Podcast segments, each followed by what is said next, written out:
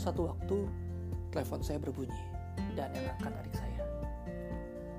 Ketika adik saya berbicara dengan penelponnya, penelpon itu bilang bahwa adik saya bukanlah saya. Meskipun adik saya bercanda bahwa dia adalah saya. Ketika teleponnya dikasih ke saya dan saya bertanya sama penelpon itu, kenapa kamu tahu bahwa yang telepon tadi, yang angkat telepon tadi itu bukan saya? Dia bilang begini, cara kokoh angkat kostif ngomong, kostif bercanda itu punya kebiasaan. Dan kebiasaan itu yang membuat saya kenal siapa yang tadi angkat telepon, meskipun suaranya mirip. Nah, hal itulah yang sering terjadi dalam kehidupan kita. Ketika kita berdoa kepada Bapa di surga, sering kali kita berdoa main-main aja, sekedar ya biasa aja lah. Kita nggak bisa ngerasain apa yang Bapak mau, sama yang seperti saya alami. Beberapa waktu yang lalu, ketika saya muji menyembah Tuhan, Tuhan tegur saya. Tegurnya seperti apa? Bahwa ternyata pada saat-saat ini, seperti ini, saya lebih memikirkan tentang diri saya sendiri. Saya fokus dengan kerjaan saya, dan saya meninggalkan lambat pelan-pelan nih meninggalkan hubungan saya dengan Tuhan. Apakah pekerjaan saya nggak penting? Penting. Tetapi ada hal yang lebih penting, yaitu hubungan saya dengan Allah. Mengapa seperti itu? Karena situasi yang kita hadapi hari-hari ini, yang saya hadapi hari-hari ini, yang mungkin manusia di bumi hadapi saat ini, tidak pernah ada orang yang pernah ketemu hal seperti ini. Tidak ada satupun manusia yang pernah alami kejadian yang seperti ini.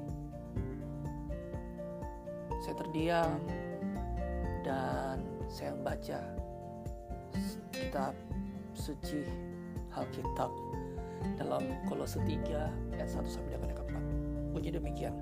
Karena itu kalau kamu dibangkitkan bersama dengan Kristus, carilah perkara yang di atas, di mana Kristus ada, duduk di sebelah kanan Allah. Pikirkanlah perkara yang di atas, bukan yang di bumi. Sebab kamu telah mati dan hidupmu tersembunyi bersama dengan Kristus di dalam Allah.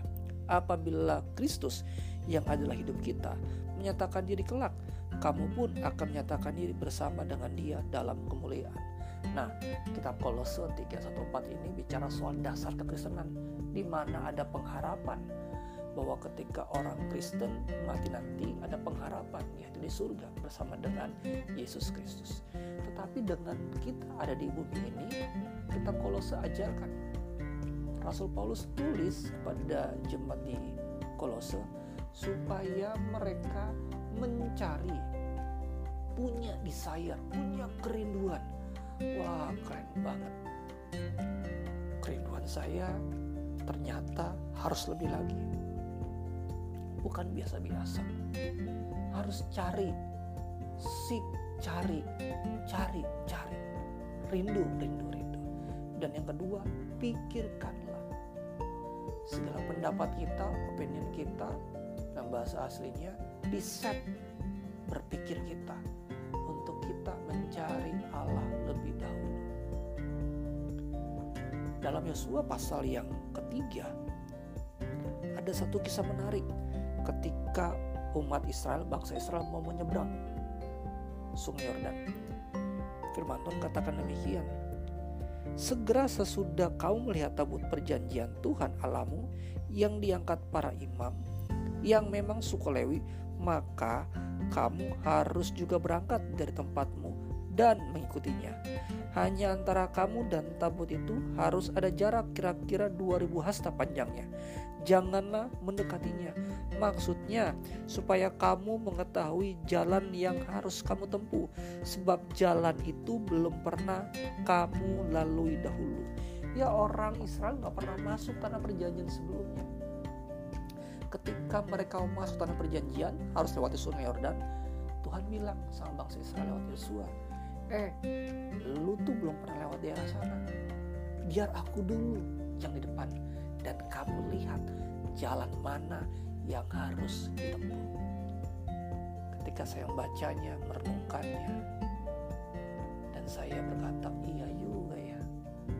Kalau pakai kekuatan sendiri otak sendiri stres pusing kita nggak berdoa sama Tuhan. Dekatkan sama Tuhan. Cari perkara di atas pikirkannya tentang Allah. Karena Allah Yesus Kristus punya kuasa untuk itu. Apakah semuanya berjalan dengan mudah? Enggak lah. Kenapa? Karena kita akan semakin dewasa untuk diproses lagi karena pengenalan Allah nggak sehari dua hari pengenalan akan Allah tiap waktu, tiap saat. Dan itu membuat kita, roh, jiwa, tubuh kita mengerti tentang kebiasaan Allah, sifat-sifat Allah. Sehingga kita lebih dewasa dengan Allah. Kalau kita dewasa dengan Allah, maka apa yang kita perbuat hari-hari ini pasti kita akan menemukan jalan keluar yang terbaik. Yesus memberkati.